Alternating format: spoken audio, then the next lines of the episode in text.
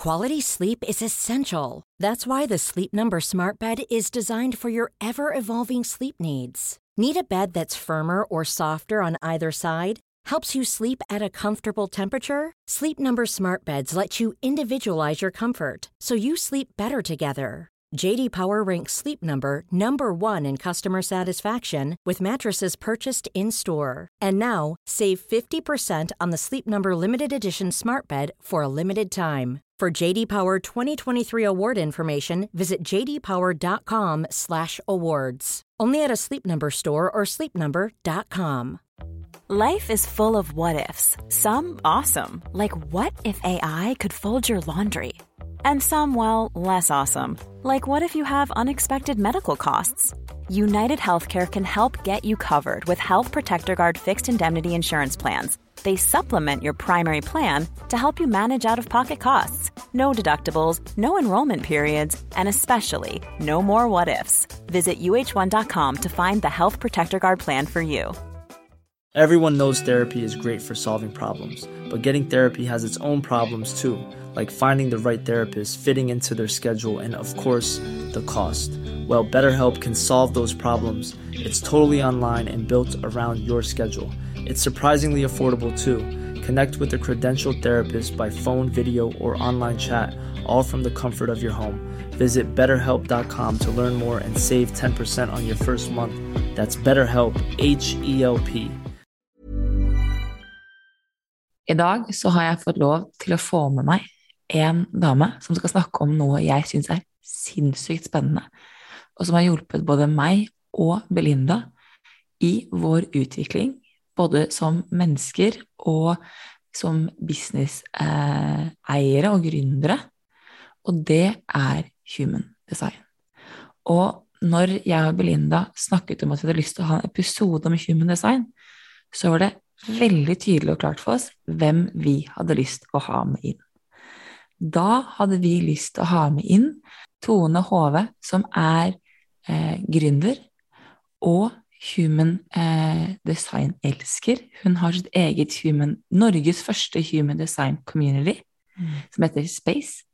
Hun jobber én-til-én med mentorsamtaler eh, med klienter for å lære dem å bruke human design over en lengre periode. Hun har små grupper for å ha grupper å eh, bruke human design, eh, human design, og hun leser kart.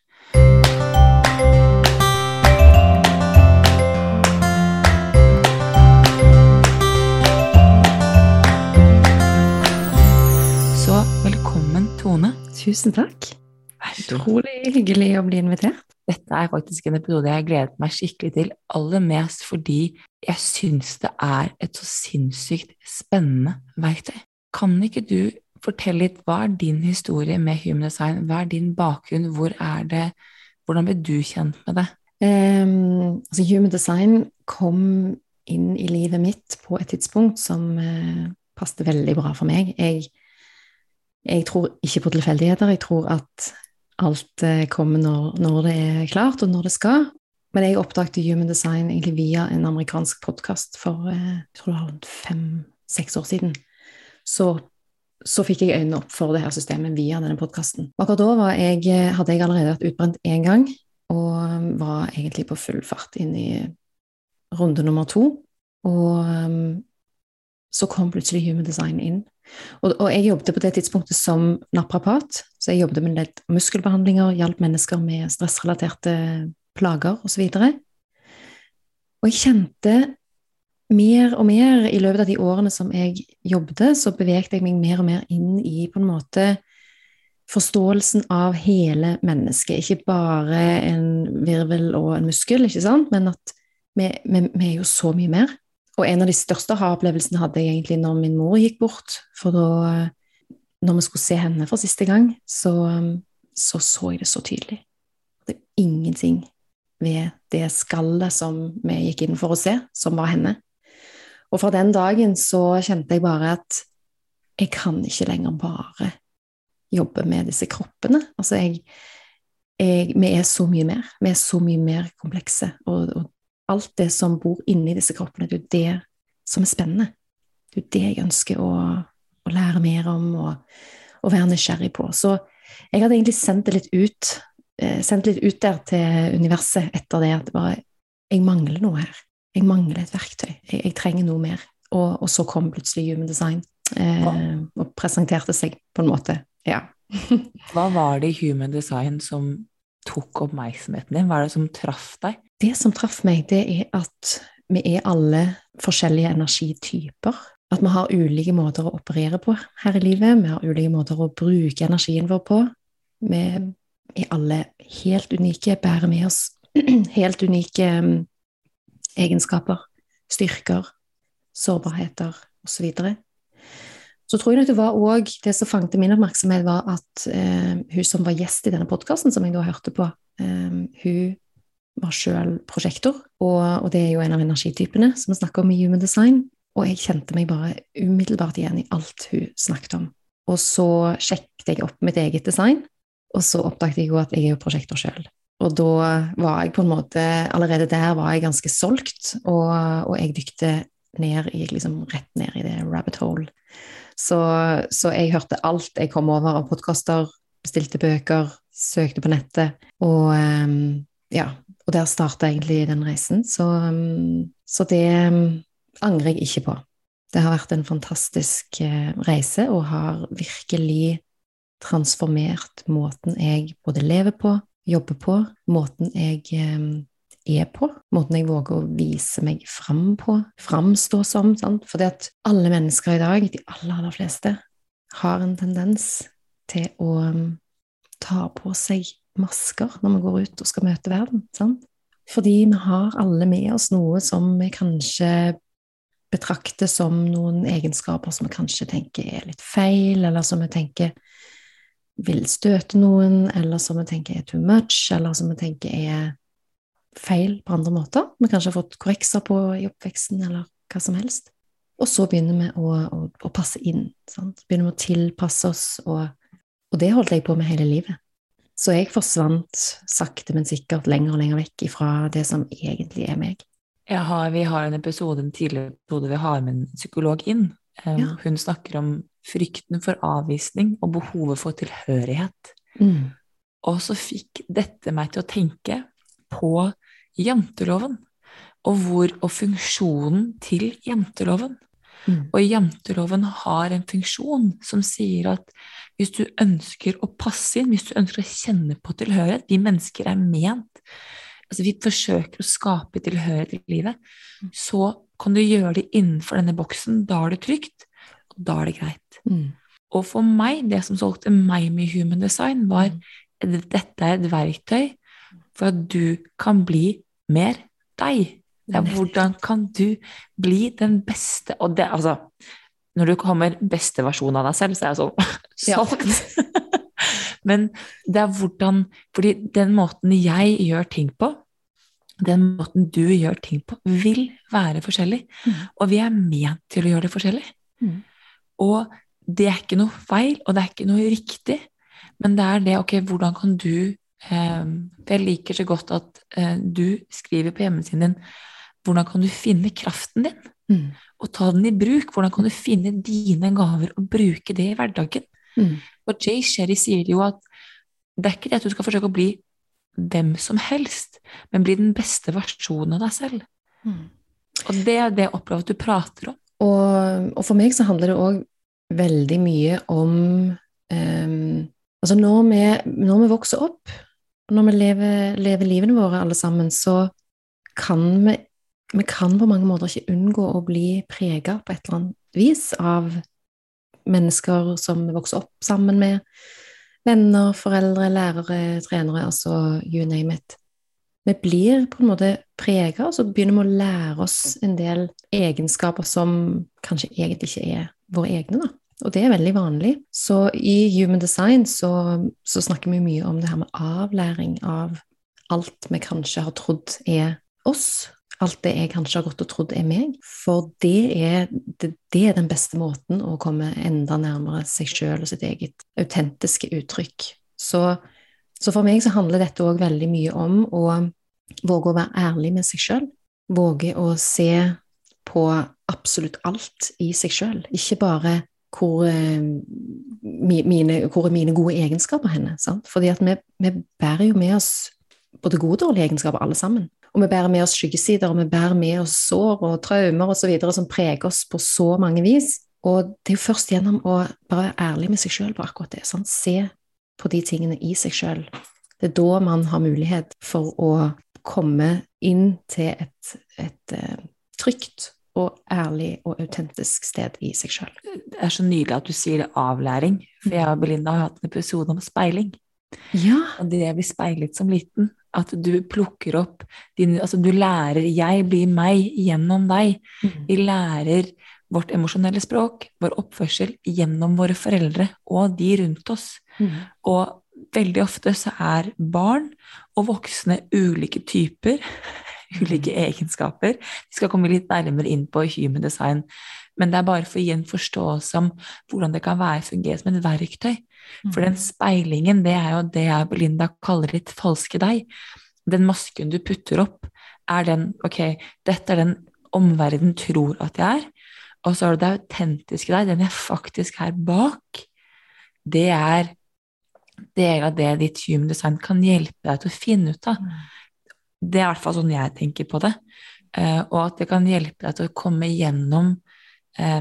blant annet å jobbe med ditt mørke, eh, skyggesider. Jeg pleier å si at en egenskap har en skyggeside og en gave. Absolutt. Og jobben er å komme fra skyggen til gaven. Ja. Mm. Uh, og det er hvordan du igjen da, skal gjøre dette på din måte. Mm. Det er det jeg tror for veldig mange hvor human design Og jeg opplever at det er det du sier til meg, at det er noe Det er der det ble et verktøy for deg. Virkelig. Virkelig. Og så det her med jeg, Det er kjempefint at du, at du, bringer opp det her med at det handler jo om å, å ta seg fra skyggesiden til gavesiden. Og så um, er det jo en liten sånn tendens kanskje i samfunnet i dag til at vi har egentlig lyst til å bare ta shortcuten. Sant? Vi har lyst til å bare hoppe inn i gavesiden og å, gi meg alle gavesidene mine, så jeg bare kan liksom tre de over hodet og kle de på meg, og så blir jeg det.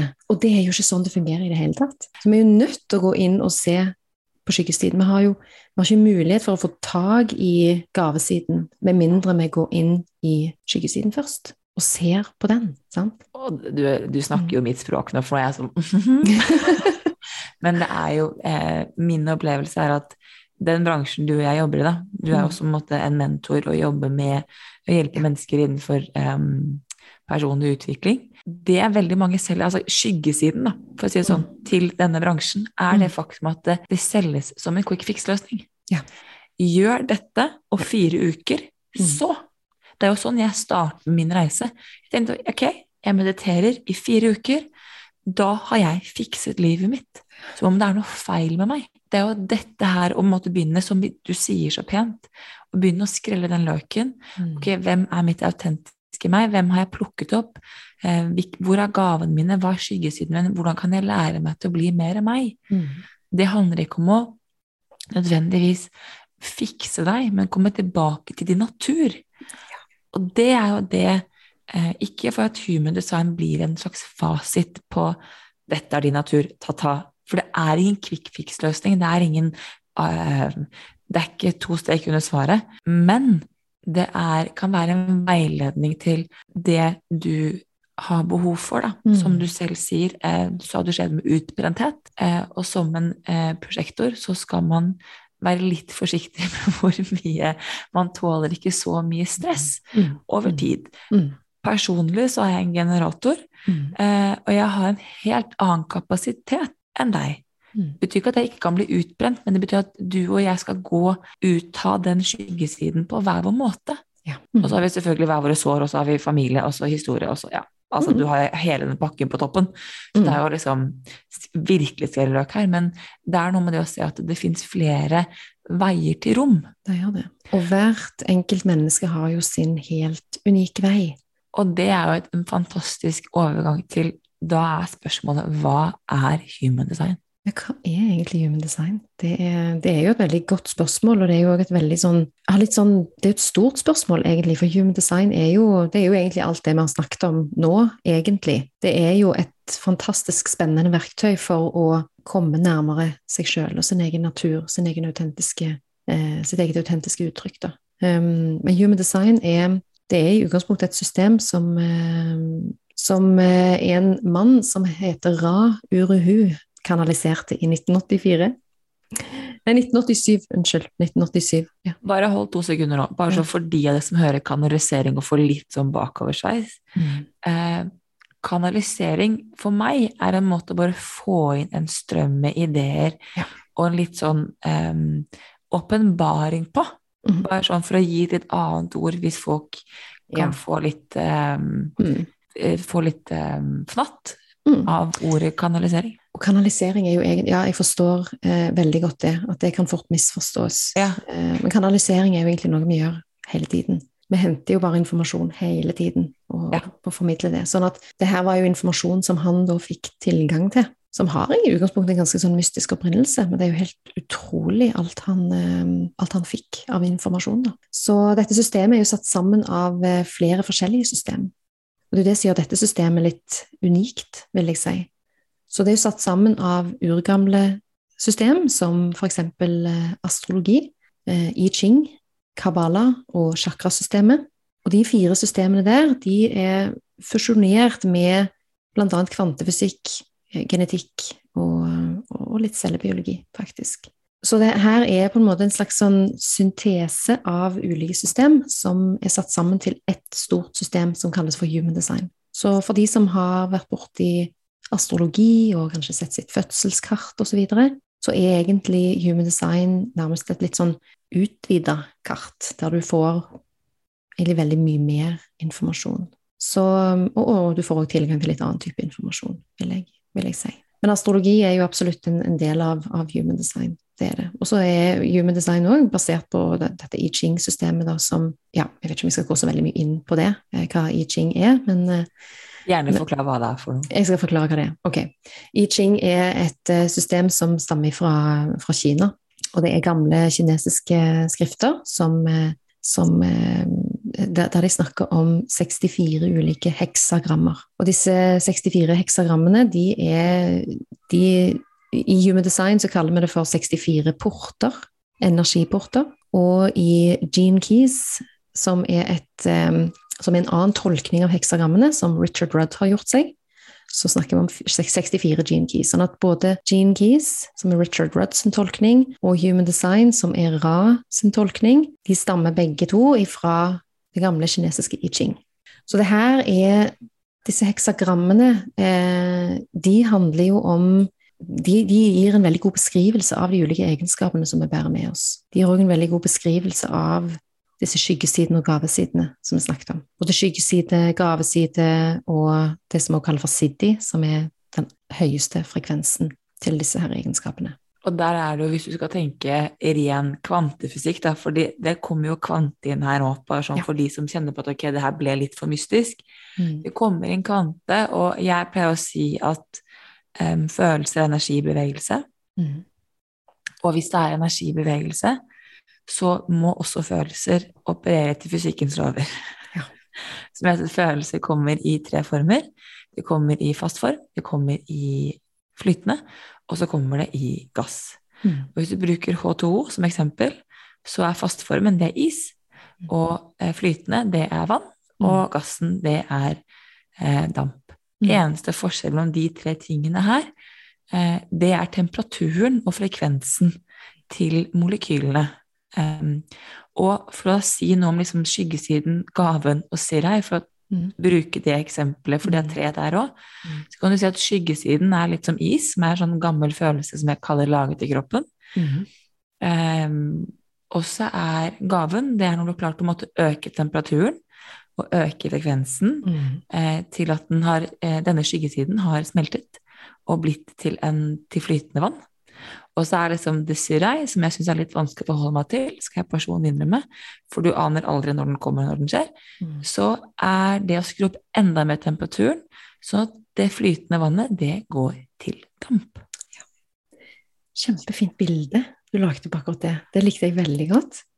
Det var utrolig fint, og det er nettopp det her det handler om. sant? Det, og det, her, det, er derfor det her er ikke noe man skal kle på seg. Det her er ikke noe man skal ha kun en mental intellektuell forståelse rundt. Det her handler om at det her skal vokse fram naturlig i deg over tid.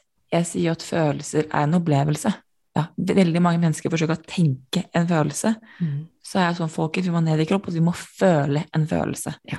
Og det er litt det samme. Du må, um, skal du kunne klare å bruke human design, min opplevelse, så er det en, det er en følelse, det er en flyt, det er en, en måte for å måtte virkelig kjenne på at ok, men nå er jeg Dette er meg, og dette er min maske. Nå går jeg imot meg selv, og nå går jeg med meg selv. Mm. Hva er, for å gå tilbake til human design, vi har snakket om energityper, du har jo Ja. Ærlig og sagt at du er en projector. Hva er disse ulike typene, hva betyr det, og hva vil de si, da? Vi snakker om eh, fem forskjellige energityper, egentlig, og fire forskjellige auratyper. Vi snakker jo om auraen, altså den energi, det energifeltet som vi alle omgir oss med. Og alle mennesker omgir seg med energi. Og det merker vi jo. Vi merker jo det når vi møter mennesker. Vi, vi, merker at her er, det, er det stemninger, er det følelser, er det, er det ting vi påvirker hverandre med. Og det er feltet, energifeltet, som vi omgir oss med. Og det er vår aura. De som har lyst til å lure på aura, fins det? Det er et institutt i um, California som heter HeartMath, nei, uh, jo, HeartMath Institute, som har testet, og hjertet sender ut, er 5000 ganger sterkere enn eh, Altså sender ut frekvenser 5000 ganger sterkere enn hodet. Det, fordi, og hjertet er følelser, så hjertet er auraen. Jeg jeg syns det er så gøy å bare ha med den energiske delen, og så ha også litt med den derre hvordan man kan Å ja, det er en aura. For jeg kjenner flere som har sånn aura, sorry, det gidder jeg ikke å forholde meg til, men energifelt for hjertet, å ja, den kjenner jeg, den kan jeg Mm. føle. Ikke sant? Og det er, for, for en gang vi setter på en måte et ord på det, aura, det, det blir fort litt sånn ah, Det blir litt, eh, litt alternativt, kanskje, for mange. sant? Men så er jo det egentlig bare noe som man egentlig forholder seg til hver eneste dag, hele tiden. Uten at vi trenger å tenke på det. Men det er på en måte bare et ord på det. Det er en. Det er en aura. Ja. Og det vi snakker om i Human Design, det er at vi har disse fire ulike auratypene. Og det òg er jo litt interessant at vi har ulike typer auraer. Vi, vi går ikke alle sammen rundt med den samme typen aura. Men de aller fleste eh, på denne jorden, som er ca. 70 av eh, menneskene på jorden, har en generatoraura, som vi kaller det. Yes, Og der eh, kommer jo du inn, Isabel. Du Mm. er generator, og det er vel òg Belinda, ikke det? Ja. Så Eh, og da er det jo mange som tenker å, søren, er jeg en av de som liksom er vanligst, på en måte? Er det mange som eh, plutselig tenker. Men så er det jo det at alle generatorer er jo helt, helt forskjellige.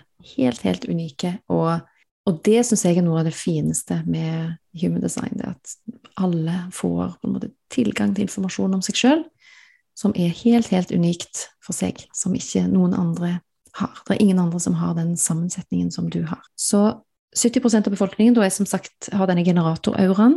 Og den generatorauraen den er veldig åpen, den er veldig magnetisk. Den er veldig omsluttende. Den, sånn, den føles veldig deilig for andre å være i. Eh, litt som å, å være i en god klem, på en måte. Alle, generator, alle generatorer, alle som har en generatoraura, har da i utgangspunktet evnen til å generere ny energi i sitt eget system. Det er riktignok forutsatt at man gjør ting som man elsker, som man brenner for, som man kjenner tenner en liten flamme kanskje i seg. Når man kjenner at man, man er tilfreds med det man holder på med, at man er tilfredsstilt i livet, da genererer generatoren ny energi. Så det er et stort potensial for generatoren å, å tappe seg sjøl for energi hvis man lever et liv basert på det hodet tenker er smart, fornuftig, lurt, det jeg burde, dette er forventa av meg, osv. Jeg, jeg, jeg må vel bare være her resten av livet, bare ha det sånn. sant? Det går jo greit. Da tappes generatoren ganske fort for, for energi, og kan, kan brenne seg ut på det. Jeg kan gi et eksempel. Vi har jo, Belinda jeg har snakket med, vi er midt i en bokskrivingsprosess. Så vi har jo kommet bok ut i januar, og da har jeg hatt ekstremt eh, tett program, mye å gjøre. Men den boken genererer så mye energi hos meg at det er nesten Altså, du skulle tro at jeg hadde gått under med alt det som skal skrives og gjøres, og tidsprem og alt det her. Men det er, det, er, altså, det er som å skru på en Duracell-kanin og et fyrverkeri inni meg, og jeg bare altså, ja, det går, går 120. Og jeg elsker det, og jeg tenker sånn Jeg vil ikke hvile, bare gi meg mer, gi meg mer, gi meg mer. Altså selvfølgelig, alle skal få lov til å hvile, men, og det er viktig, Mm. men den derre generere den følelsen, Mm. Den- følelsen kommer innifra. Den, det er ikke hodet som tenker 'dette her burde jeg få energi av'. Mm. Mm. Mm-mm. Det er en sånn så det, det kjennes ut som om det er en um, litt sånn varm klem når det brer seg utover, og som Mm. på en måte nesten skrur på enda mer energi. Mm. Åh, så fantastisk. Ja, det er helt nydelig. Å, det må være så deilig. Ja. Og det er jo sånn, sånn som jeg som prosjektor, da, som er den nest, nest vanligste typen, da, som er ca. 20% av befolkningen, er, er det som kalles for prosjektor. Så har jo jeg en helt annen type aura, en helt annen måte å operere på, enn det en generator har. Prosjektorauraen den er til forskjell fra generatoren, som er veldig sånn åpen og magnetisk og omsluttende osv., så, videre, så er eh, prosjektoren sin aura veldig fokusert, gjennomtrengende og absorberende. Så den penetrerer på en måte den andre sin aura, eh, og er skapt for å gå inn i én annen aura om gangen. Så mens generatoren har kapasitet til å holde mange inni sin aura på en gang, så har prosjektoren på en måte eh, Auraen til prosjektoren har et, et veldig stort behov for å få lov å gå inn i én aura om gangen. Så, så den er veldig annerledes, Eh, og det har hjulpet meg utrolig mye å forstå hvordan den fungerer. For jeg har jo prøvd å være en generator hele livet. For jeg har hatt masse generatorer rundt meg. Hele familien, masse venner som har hatt generatorer. Men da lurer jeg på, for du eh, jobber jo med små grupper. Ja. Mm. Hvordan er det for deg da å skulle gå inn, for å gi et eksempel da, til hva det vil si, å gå inn Mm. i, i små grupper hvis du egentlig som helst vil bare penne, liksom. Og Ja. når, altså penetrere, så tenker jeg at du kan så fint bare fokusere på, ha fokus på én Ja. altså, enkeltting. Hvordan er det da å jobbe i små grupper? Mm. Og det er derfor jeg jobber i, i små grupper. Jeg har maks seks personer på gruppene mine. Mm.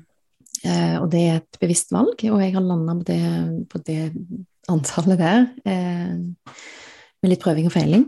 Så sånn som jeg legger det opp der, så jobber jeg I og med at gruppen er så liten, så får jeg veldig mye mulighet for eh, personlig oppfølging, og, eh, og der gir jeg alle mulighet for å måte være litt én-til-én med meg i gruppen, da. Ja. Så jeg gir veldig sånn direkte veiledning i gruppen òg. Eh, det gjør jeg. Og så, så har jeg òg eh, kommunikasjon med hver enkelt på, på videochat imellom eh, møtene våre. Så jeg har veldig, jeg har veldig sånn jeg har veldig god kontakt én til én, samtidig som at vi er en gruppe. Og så lar jeg de få lov til å ha sin gruppedynamikk, samtidig som at jeg er inne og veileder én til én. Så det fungerer faktisk veldig, veldig fint. Og det er ikke, det er ikke sånn at en, en prosjektor aldri kan være sammen med mange folk, eller det, det er ikke det det handler om. Det handler om å forstå at auraen fungerer sånn. Og jeg kan da hjelpe min aura til å fokusere på én om gangen. Jeg holder også foredrag, for eksempel. Jeg har også holdt workshops for, for flere eh, mennesker, og jeg har også eh, tidligere undervist eh, både yoga og pilates. Og før jeg kjente til at jeg er en prosjektor, så ble jeg helt utslitt av å gå og undervise en yogaklasse med kanskje 30-40 personer i, i salen, på en måte. Det, det var kjempeslitsomt å gjøre det. Men når jeg forsto hvordan min aura fungerer, så kunne jeg gå og undervise én og én i salen. Der jeg fokuserte, jeg hjalp min aura, jeg fokuserte min aura på én om gangen. Så, så det, og det var det ingen andre som visste at jeg gjorde. Jeg bare, jeg hjalp meg sjøl på den måten. Så, så, ja, så det var en veldig fin um, Det har hjulpet meg utrolig mye i mange sammenhenger. Mm. For å si det på en annen måte, som jeg, når, jeg hører, at jeg snakker, så opplevde du å si at Isabel, jeg har- fikk en annen tilnærming til det å ha gruppetimer. Ja.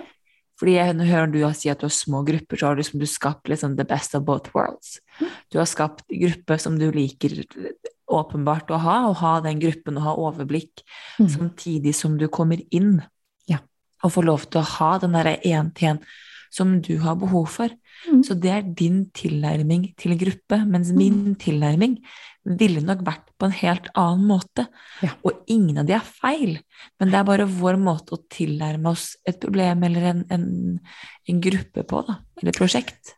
Ikke sant? Og det er en måte vi får ut våre styrker på, på to forskjellige måter. Mm. Sant?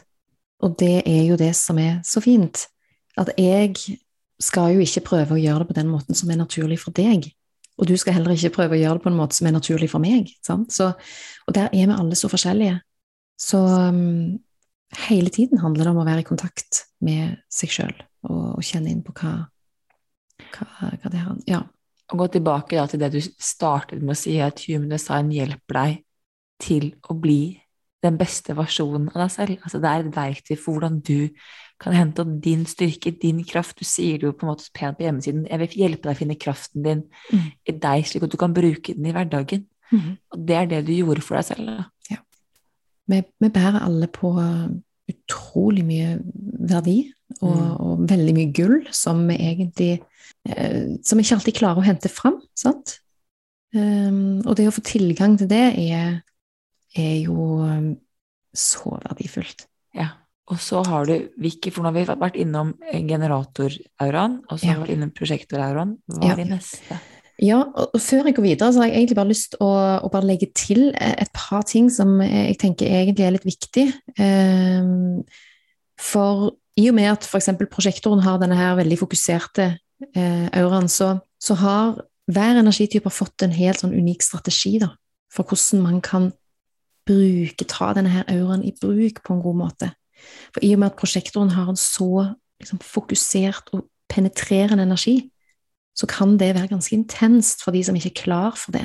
Og så kan det føles helt fantastisk for de som er klar.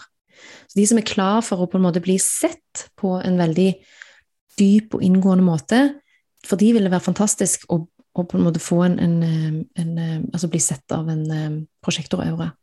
Men for de som ikke er klar, så kan det bli inntrengende og påtrengende og, og invaderende.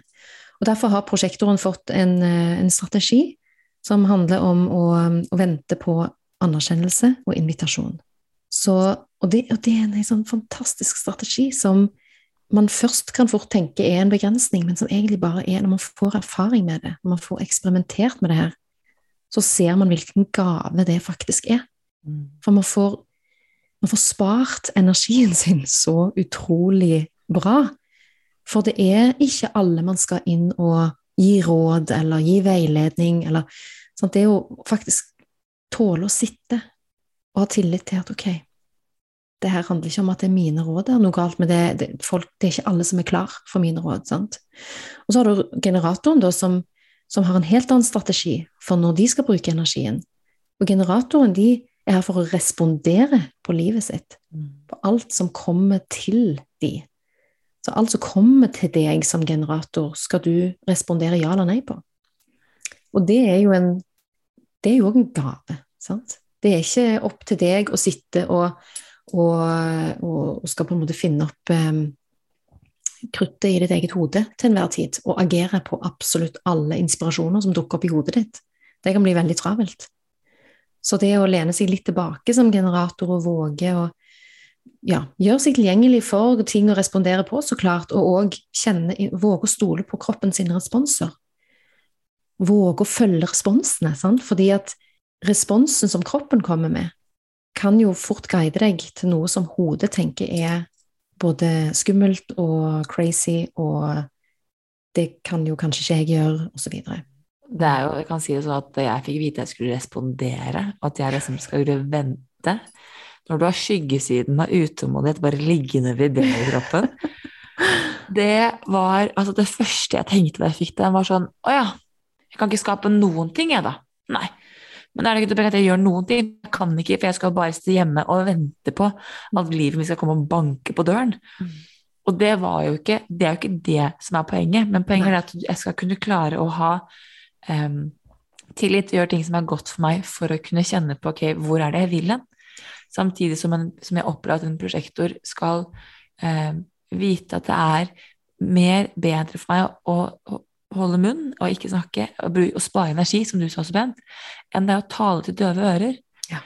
Og det å tørre å sitte i det ubehaget som prosjektor eller som generator at jeg er utålmodig, jeg er utålmodig, jeg er utålmodig. Ok, la meg jobbe med skyggesiden av utålmodighet. Ja. Mens liksom livet skjer Fordi livet skjer for deg, og livet skjer for meg, mm. men den kommuniserer med oss på litt ulik måte. Mm. Ja, det er akkurat det. Og, Og disse strategiene er jo absolutt noe som man bare må rett og slett Altså, man må eksperimentere med det i sitt eget Mm. liv. For det er da man får en erfaring med hvilken gave det egentlig er.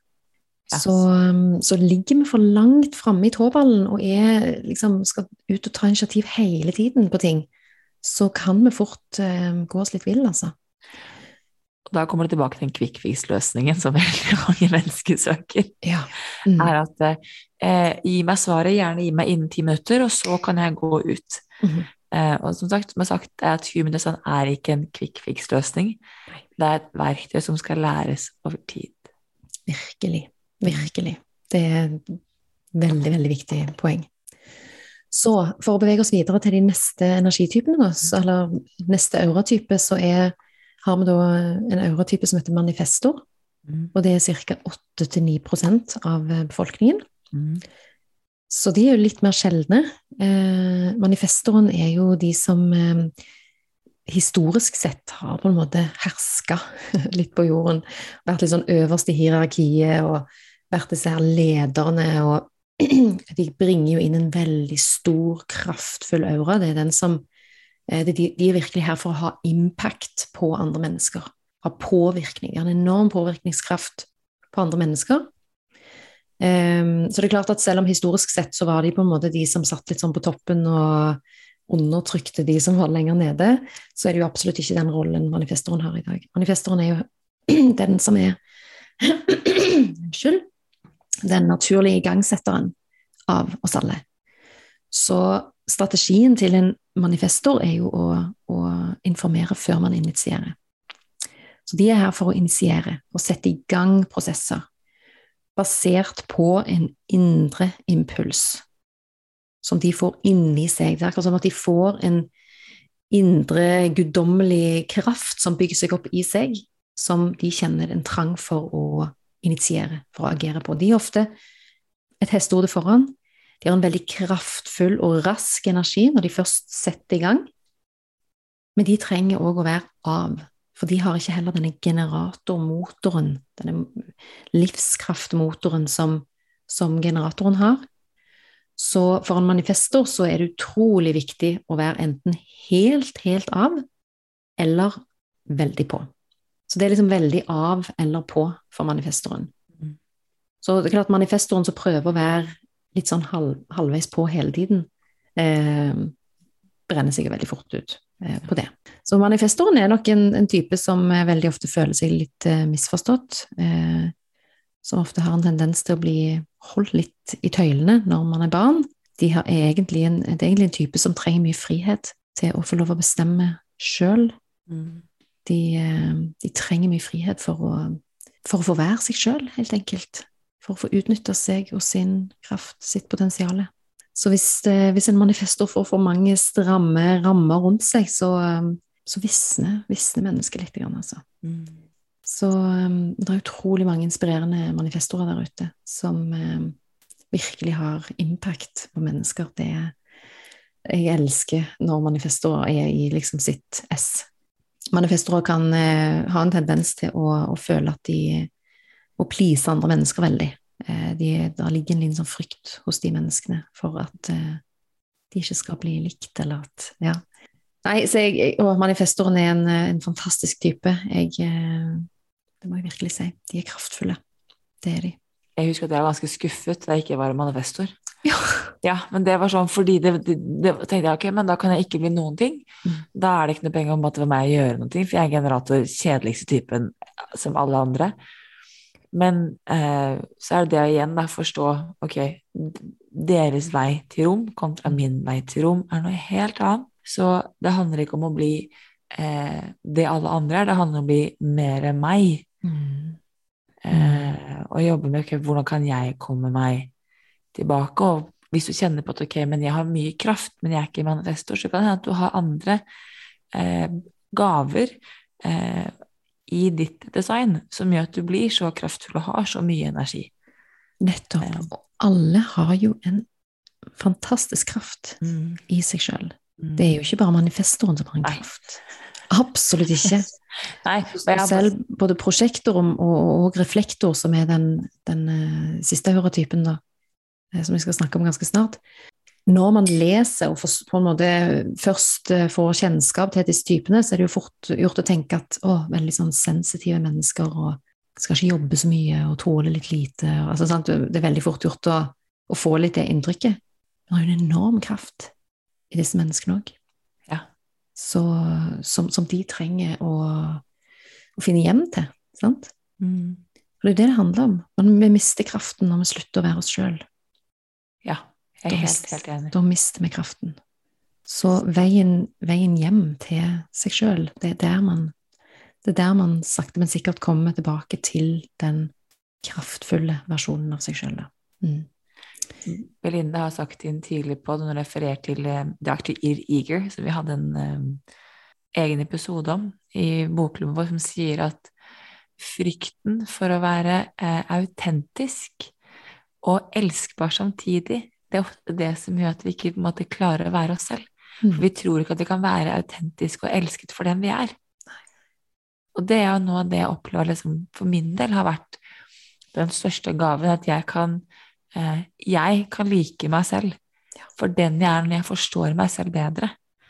Og gi litt mer slipp på den eh, masken som jeg puttet på, lærte opp til, speilet på, altså kall det, mm. kall det hva du kaller det vil. Eh, og bli litt mer kjent med hva er min natur, hva, mm. hvor er min kraft, hva kan jeg gjøre for, å, for at jeg har det bra? Det er utrolig fint sagt. Mm. For det, det, er akkurat det det handler om. Akkurat det det handler om. Så bare for å måtte hente det opp til de ting vi har snakket om før, så du kan få en bedre forståelse av hvordan du kan bruke det mm. i, i, hverdagen, og hvordan det selv det mystiske mm.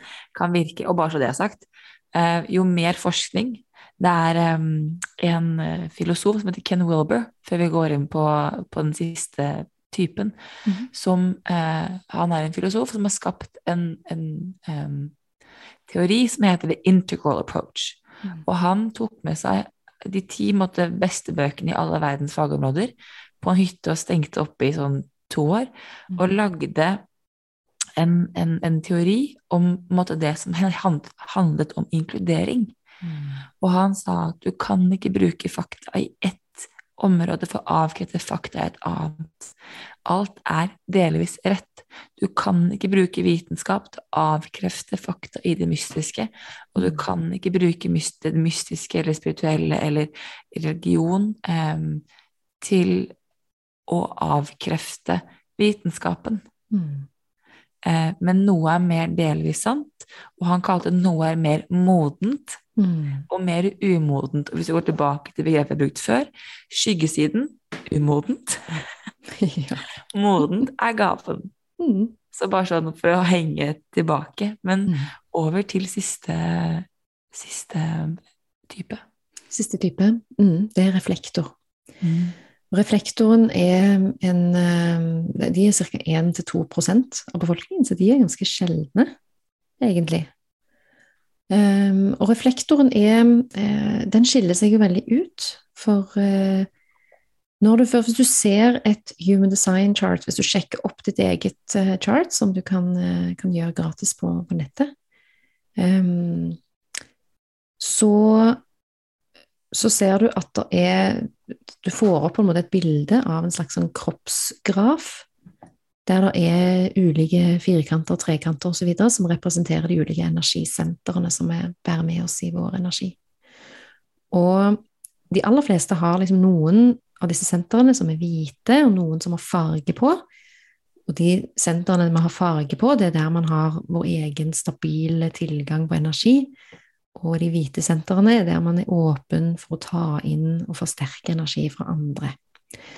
Reflektoren har alle disse energisentrene hvite, så de er de eneste som ikke har liksom sin egen stabile eh, tilgang på energi til enhver tid. Og det kan jo fort høres ut som at å ja, jeg er bare helt tom, jeg. Jeg har ingen, har jeg ingen energi, jeg, da. Det er absolutt ikke det det handler om um, på noen som helst måte. Det handler om at de er de er åpne for å ta inn, og de er her for å ta inn og speile omgivelsene. Så de fungerer egentlig som et speil. De reflekterer tilbake det de tar inn. Og basert på alt de tar inn, så får de opparbeida seg en enorm visdom, en enorm klokskap, Så de er òg her for å være naturlige veiledere, egentlig, som, som en prosjektor òg er, er, er, veldig naturlig skapt for. Um, så, så, reflektoren er um, ofte de, de, har, Samtidig som at de er veldig åpne for å ta inn ting fra omgivelsene, så har de òg et ganske beskyttende felt rundt seg. Så de er kraftfulle, de òg. De er ikke så sensitive som vi tror, egentlig. Men de, har, eh, de trenger mye tid. De trenger å vente en hel månesyklus, ca. 28 dager, de, før de kan finne klarhet i sitt eget system. Og så er de òg veldig òg veldig påvirka av omgivelsene, av mennesker og miljøet de befinner seg i, så de er veldig følsomme på hvem de omgås, hva stemning som er, eh, gjerne litt sånn underliggende stemninger som kanskje ingen andre catcher, det kan veldig ofte reflektoren catche. Og det er viktig for reflektoren å befinne seg i et miljø og blant mennesker som føles bra for reflektoren, da. Det er utrolig viktig for at reflektoren skal ha det bra. Um, så eh, Samtidig er òg reflektoren veldig tilgjengelig for det som vi kaller for transit. Det vil si at hver eneste dag, hver eneste time osv. Så, videre, så så beveger jo eh, alt av planeter og himmellegemer seg, og, og, står i ulike energier til enhver tid. Sånn at det er jo noe som, eh, som reflektoren er ekstra eh, sensitiv for, og spesielt månen sin passering gjennom de ulike, eh, de ulike energiportene som vi snakker om i Human Design. Så månens passering gjennom de ulike energiportene er, er inne og, og, påvirker reflektoren, og hvordan reflektoren føler seg til enhver tid. Sånn at reflektoren vil føle, føle seg eh, litt som en ny person hver eneste dag. De, for, for de vil De kan den ene dagen føle seg litt som en prosjektor, en dag kan de føle seg som en manifesting generator, en generator, ja, osv. Så, videre. så de kan, de kan variere veldig. Um, på, på, hvordan de har det, hvordan de føler seg, hvem de er, osv. Så, videre. så de, ble, de, er veldig sånn naturlige kameleoner, egentlig. Tilpasser seg veldig. Mm. Og for de som tenker sånn 28 dager, det høres veldig lenge til, kan jeg ikke ta en mm. avgjørelse eller gjøre noen ting på 28 dager, så er det igjen, som vi har snakket om, det er et verktøy, det er en mm. treningssak. Det handler om jo bedre du blir, jo mer forstår du, jo tidligere kan du faktisk plukke opp ting. Trenger ikke å vente like lenge, trenger ikke å, å å du kjenner deg, for det handler egentlig om å bli bedre kjent med deg selv. Helt rett. Helt rett. Mm. Det å på en måte kjenne igjen Ok, er dette her Er det meg? Er det noe jeg har lært opp til? Um, og så begynne å skrelle av og mm. begynne å komme tilbake og måtte bli kjent med deg selv på nytt. Da. Jeg pleier å si at det starter og slutter med deg. Mm. Så mye kjærlighet du gir deg selv, er så mye kjærlighet du klarer å ta imot fra andre. Um, så mye dritt Unnskyld ikke at du sier det selv, det er så mye dritt du er villig til å ta imot fra andre før du tør å sette ned foten. Og det med da, for meg, da human design har handlet om det å faktisk bli bedre kjent med meg, mm. på en måte jeg ikke hadde tilgang til før jeg faktisk begynte å lese og lære og jeg lærer fortsatt. Vi hadde en liten intro før timen hvor du sa 'Å ja, men du er jo fork or et eller annet'. Quad right. Ja. Og jeg var sånn mhm. eh, Hva er det? Fordi det handler om å måtte lære å forstå og se. Så det er ikke at det er ingen Jeg vil bare påpeke det. Det er ingen eh, quick fix. Det er ingen fasit. Eh, det er en veiledning. Det betyr ikke at eh, det er sånn så kan du aldri gjøre, oppfylle dine drømmer. Det bare handler om at veien din trom kontra veien din trom vil være forskjellig. Mm. Og det er et verktøy. Enkelt og greit. Som man bare kan ta i bruk. Og det her handler jo om å, å, å eksperimentere litt med det. Prøve det ut. Sant? Litt sånn Hva skjer hvis jeg faktisk venter litt her nå? Hva skjer hvis jeg venter på at det skal være et menneske her som anerkjenner meg og ser meg og inviterer meg for den jeg er, for de kvalitetene som jeg kjenner igjen i meg, som jeg anerkjenner i meg. For vi, vi er nødt til å begynne med oss sjøl. Vi er nødt til å begynne å se oss sjøl først, før vi kan være tilgjengelig for at andre ser det i oss. da. Så, så, hva skjer hvis jeg gjør det? Hva skjer hvis jeg ikke prøver å overbevise disse menneskene med de døve ørene Mm. om mitt perspektiv på en sak, for eksempel. Mm. Hva skjer hvis jeg bare sitter der og, og venter på at de kanskje blir klar en dag? Kanskje de aldri blir klar. Og det er òg helt greit. Det er en befrielse å få lov å sitte og vente. mm. og kanskje det kommer noen andre som du ikke visste ville høre meningen din. Ja. Fordi jeg pleier å si jeg har jo, Dette er faktisk eh, lært gjennom Gene Key, boken, som er en av Mhm. disse, for å gå tilbake, disse fem, disse 64 eh, portene, eller da Gene Key Hexagrammene. Heksagrammene, takk. Eh, jeg har jo eh, gaten, eller heksagrammet som handler om tålmodighet, i min, eh, i min profil, og har alltid blitt fortalt at jeg er utålmodig sjel. Mm. En rastløs, utålmodig sjel som Altså, tålmodighet er en dyd du Mm. aldri får. Sven. Fiks ferdig, punktum. Mm. Ha det. Det var en måte den skyggesiden, den speilingen jeg har blitt møtt i. Så jeg tenkte at det, det fins ingen gave tålmodighet, det gidder jeg ikke å snakke om engang. Så leste jeg den. Eh, begynte jeg å se at ok, jeg har tålmodighet, vi må jobbe, skyggeside er utålmodighet. Og så leser jeg at hvis du skreller løken og utålmodighet, Mm. under utålmodighet så ligger tvil. Mm. Og under tvil, der ligger frykten for kaos. Frykten for at jeg er det eneste mennesket i verden hvor jeg ikke følger livets rytmer, livets sykluser, hvor ting ikke fungerer som det gjør for alle andre. Alle andre har en plan og en mening. Jeg er den eneste som lever i et rent kaos. Mm. Og i veien gjennom utålmodighet er faktisk det å tørre, folkens, hold dere fast, sitte i følelsen, sitte i ubehaget og være tålmodig med egen utålmodighet. Så gaven av å vente, gaven av å ikke skulle reagere i sekundet, men tørre å sette seg ned og respondere uavhengig om du har den, dette heksagrammet i hos deg eller ikke, det er jo en fantastisk gave, egentlig, som jeg har blitt mer og mer trygg i. Fordi jo mer jeg klarer å ha eh, tillit og forståelse eh, og tålmodighet med egen utålmodighet, egen rastløshet, jo lettere er det også å være i det ubehaget som trigger mye rart i meg. Mm. Mm. Ja, det der var fint. Bare sånn for å gi deg et eksempel på en måte, for folk kan høre 'vente, det gidder jeg ikke', eh, quick fix-løsning, jeg sa Isabel, jeg vil ha én, to, tre.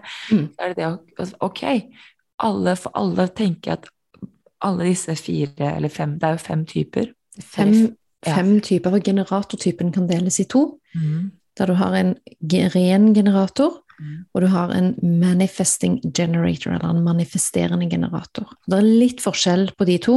En manifesterende generator er en liten sånn hybrid mellom manifestor og, eh, og, og generator, men de har likevel en generator-aura, så de forholder seg til på en måte de samme, den samme strategien med å respondere som generatoren, men de har litt av den litt mer rastløs energi eh, i seg enn det, enn det en ren generator faktisk har. Eh, og en manifesterende generator har ofte et behov for å endre retning og endre mening litt raskere enn en ren generator. Eh, de, også, de har òg energien til å, til å holde på med flere forskjellige ting på en gang. En generator vil ofte ha et behov for å holde seg til litt færre ting, kanskje én eller to ting om gangen, gjerne, og, og fokusere på det over en periode, for så kanskje starte et nytt prosjekt. Så generatoren trenger virkelig å liksom føle at de mestrer sin eh, greie, da. Mestre det de holder på med. Oppnå mestring og, og bli ordentlig gode på det de driver med, det er veldig tilfredsstillende for en generator. En manifesting generator kan ha mange forskjellige, forskjellige jern i ilden, og ha energi til det så lenge de har denne deilige responsen på det. Så lenge de elsker å holde på med det, så kan de holde på med flere forskjellige ting. Så for mange andre så kan manifesting generators virke litt sånn all over the place. Um, kan virke litt rastløse, og, veldig mange av de trenger å temme rastløsheten sin litt. Komme ned i kroppen og kjenne hva det egentlig jeg har en respons på. De kan, de kan jo dra litt av gårde med seg sjøl av og til. Mm. Så er det her da, som jeg syns er så gøy, er jo det at eh, du sier det fint, komme ned i kropp, fordi hodet Mm. kan ha en tanke. Kroppen kan ha en helt annen respons. Og det er det å bli bedre kjent med kroppen din, bedre kjent med instinktene dine. Jeg mener jo at uavhengig av hva slags design du har, så har alle mennesker en form for intensjon og en slags magefølelse. Mm. Og måte hvor kroppen kommuniserer med deg på. Men det er da å finne ut okay, hva er din type, hvordan er det kroppen din og instinktene dine prater med deg på. Mm. Eh, hvordan er det du eh, kjenner på denne innsikten, aha, denne responsen? Hvor kommer den hos deg? Kommer den i en klassisk eh, Er det gjennom måtte, huden din du kjenner på at den nesten låser seg? Er det gjennom Altså, hvor er det det kommer, da? Mm. Tenker jeg er ganske sånn viktig og fint. Og Mm. eh, et fint verktøy hvor du kan igjen da, bli bedre kjent med deg selv. Mm. Ja, for i Human Design så, så snakker vi mye om det som vi kaller for de indre autoritetene. For mennesker har Vi, vi liker veldig godt å lene oss litt utover. Sant? Vi, vi liker å lene oss litt ut på, på noen der ute som gjerne skal få lov å, å, å ta avgjørelsene for oss. Mm. Vi har, og spesielt her i Norge, føler jeg vi har på en måte blitt litt sånn sydd puter under armene. Eh, der vi har et system som egentlig tar veldig mange avgjørelser for oss, og vi trenger liksom ikke å tenke så mye, vi bare, bare flyt litt gjennom og, og gjør det vi får beskjed om, liksom. Altså, det, er, det er veldig mange som bare som lever på den måten. Mm. Og, og når man gjør det, så, så kan man fort ende opp med å um, havne inn på et spor som egentlig ikke er så bærekraftig, og som heller ikke gir så mye glede. Mm. Og der man heller ikke får utnytta sitt potensial da, som, som, menneske. Så um, i Human Design så snakker vi som sagt om det som kalles for den indre autoriteten. Mm. Hvor er det jeg skal lytte for å vite om noe er riktig for meg? Mm. For det kan være et helt annet sted enn, enn der du skal lytte. For å vite og om det er det. det er jo det, sant? Så, så vi har ulike, ulike måter å, å kjenne inn på denne her intuisjonen, og denne her indre autoriteten som vi snakker om. Og alle generatorer er jo utstyrt med det som vi kaller for magefølelse. Mm. Og, og den eh, kan jo selvfølgelig generatoren ha mer eller mindre kontakt med, men det handler jo litt om hvor god kontakt man har med sin egen kropp. For den, det er jo en, en følelse som sitter i kroppen. Mm. En respons. Sant? Det er en sakral følelse, sitter dypt nede i magen, der man kjenner i magen med denne magefølelsen da, om noe er rett eller ei. Og magefølelsen er jo veldig sånn svart-hvit. Veldig ja eller nei. Sant? Så er man i tvil, så er man egentlig ikke i tvil, på et vis. Sant? Men så er det òg en, en, en ca. 50% av befolkningen, da, halvparten av eh, menneskeheten, er jo, har jo det som kalles for emosjonell autoritet, som er den absolutt vanligste autoriteten å ha. Og den har jo du, Isabelle. Det har jeg. Så selv om du er generator, og du har òg magefølelse, så har du òg denne emosjonelle autoriteten. Mm. Med de emosjonelle svingningene og de bølgene som du forholder deg til, som er stabile i deg. Mm. Og det gjør at du vil ha emosjonelle bølger som du rir på til enhver tid. Det gjør at det indre landskapet ditt vil endre seg hele tiden. Og det er jo fantastisk. Og, og det gjør at en, når du skal ta en avgjørelse, når du står overfor et valg, så vil følelsen rundt det valget endre seg i takt med dine bølger. Sant? Og derfor trenger du å bruke litt tid på å vite om en avgjørelse er riktig for deg. For hvis du er på en bølgetopp, og alt er bare høy på gøy, og og du føler deg så bra, og dette her virker jo som bare tidens mulighet, og du slår til og sier ja, så kan det hende at når du kommer ned i dalen, i bølgedalen din, som også er naturlig for deg å komme ned i, så kan det hende du angrer på det. For da får du plutselig innsikt om noe annet, sant? Og det er ofte i bølgedalene, det er ofte der man kan hente mye gull, altså. Og det er kanskje en av de største utfordringene for mange med emosjonell autoritet, det å våge å være i dalen og tillit til at det er en bølge. Den vil gå over. Her er det viktige innsikter, her er det viktig informasjon jeg skal få tak i. Og idet bølgen er i ferd med å snu og bevege seg litt oppover igjen, så får man denne oklarheten, litt sånn emosjonell klarhet, som vi kaller det for. Jeg pleier jo, altså, Da jeg lærte meg at jeg ikke skal ta avgjørelser høyt oppe eller langt nede, at jeg Mm. bare skal, jeg skal lande i en følelse Mine avgjørelser etter det har vært så sinnssykt mye bedre, fordi jeg nå skjønner at ok, jeg må vente, jeg må kjenne på at jeg har ro i kroppen. Det må føles riktig for meg. Ja. Så jeg pleier ofte å si at jeg, jeg må føle på det, jeg må sove på det. Jeg Mhm. har lært meg til å tørre å ta det venterommet, og tørre å ha, sitte med utålmodigheten min i ubehaget og være sånn ok, dette er dust, men dette er en del av min prosess, for da klarer jeg å velge det som er rett for meg. Mm. Fordi det er så mange ganger, og høyt oppe, folkens, trenger ikke være blid. Jeg kan være så forbanna jeg bare vil. Og i det sinnraseriet så kan jeg gjøre ting eller si ting jeg angrer på så sykt når jeg får lov å lande litt, og bare Jeg var ikke det egentlig Jeg trengte kanskje ikke å bli så ekstrem, eller så sint, eller liksom si akkurat den tingen der. Nei. Så, så ja. Så det er eh, Det har vært en sånn veldig fin greie for meg å kjenne på. Mm.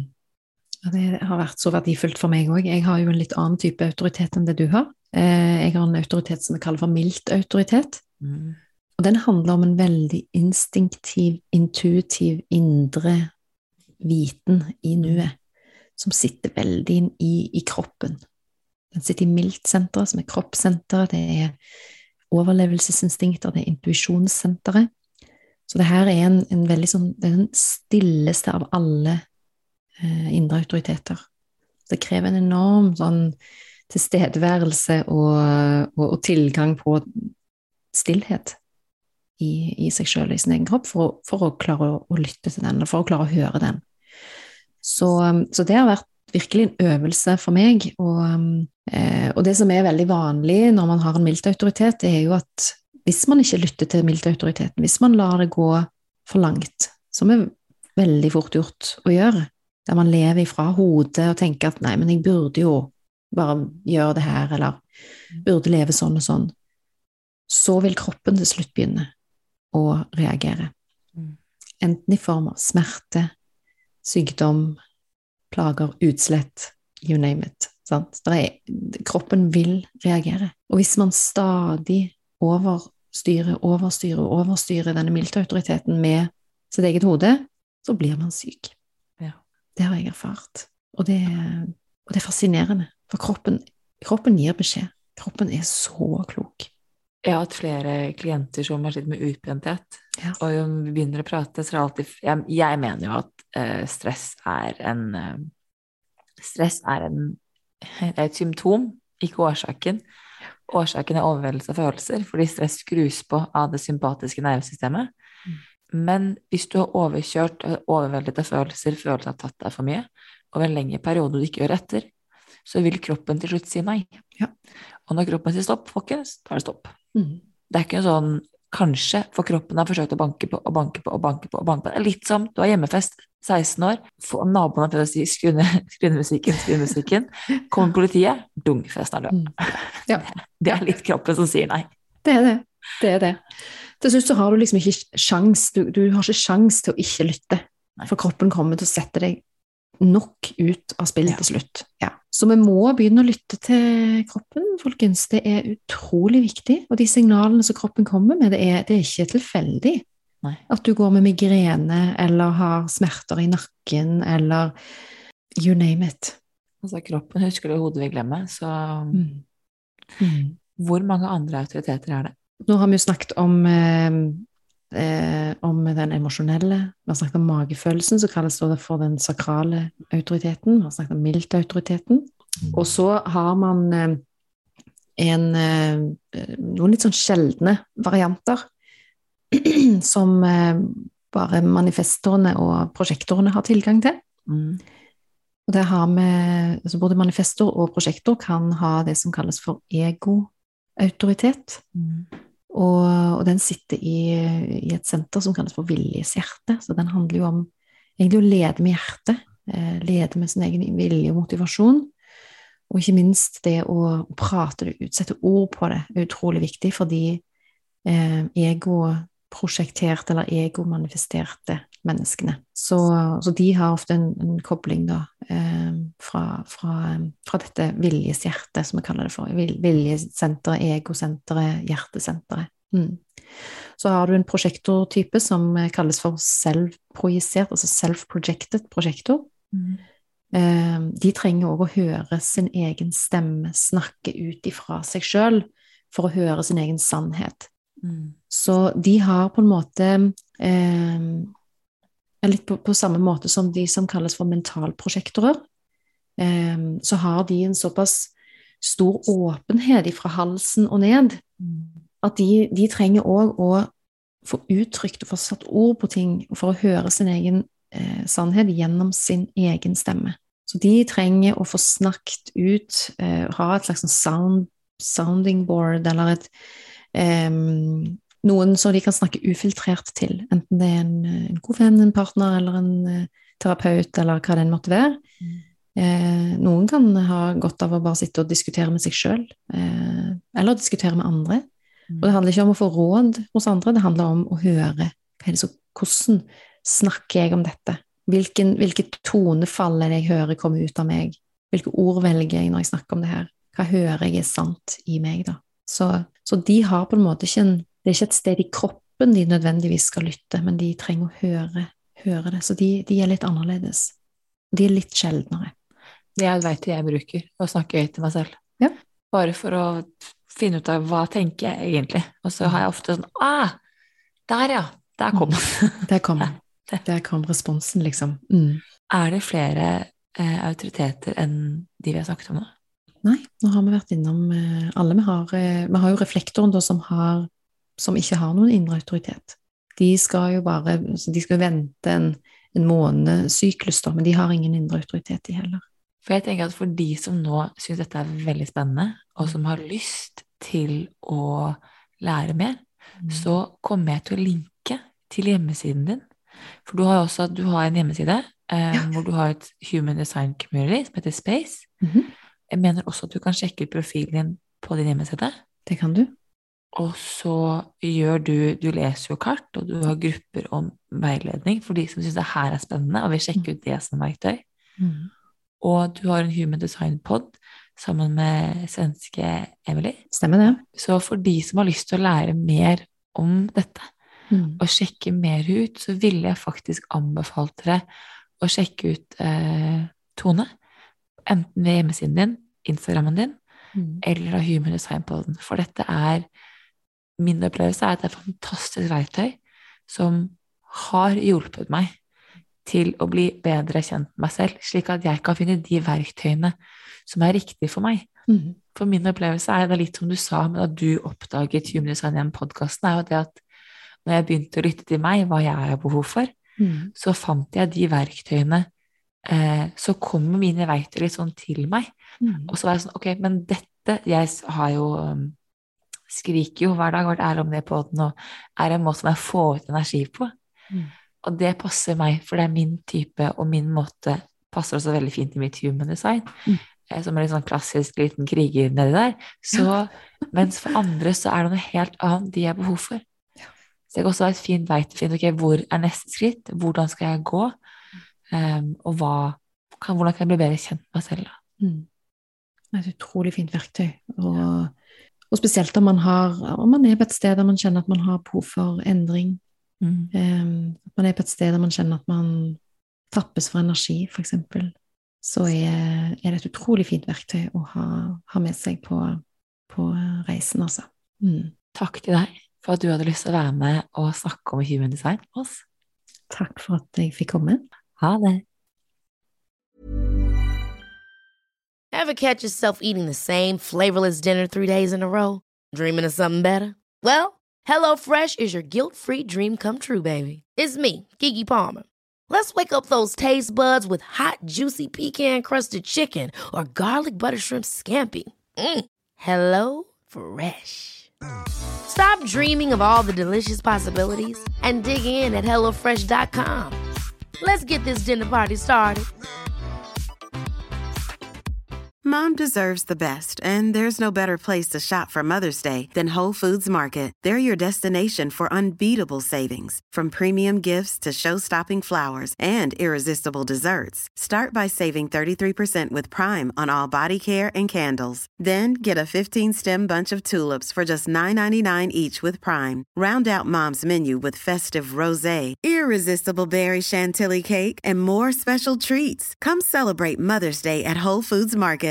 Imagine the softest sheets you've ever felt. Now imagine them getting even softer over time. That's what you'll feel with Bowl and Branch's organic cotton sheets. In a recent customer survey, 96% replied that Bowl and Branch sheets get softer with every wash. Start getting your best night's sleep in these sheets that get softer and softer for years to come. Try their sheets with a 30-night guarantee. Plus, get 15% off your first order at bowlandbranch.com. Code BUTTERY. Exclusions apply. See site for details.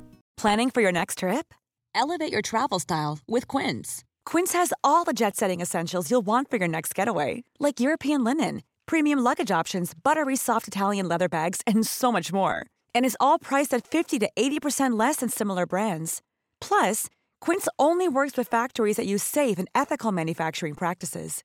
Pack your bags with high-quality essentials you'll be wearing for vacations to come with Quince. Go to quince.com slash pack for free shipping and 365-day returns.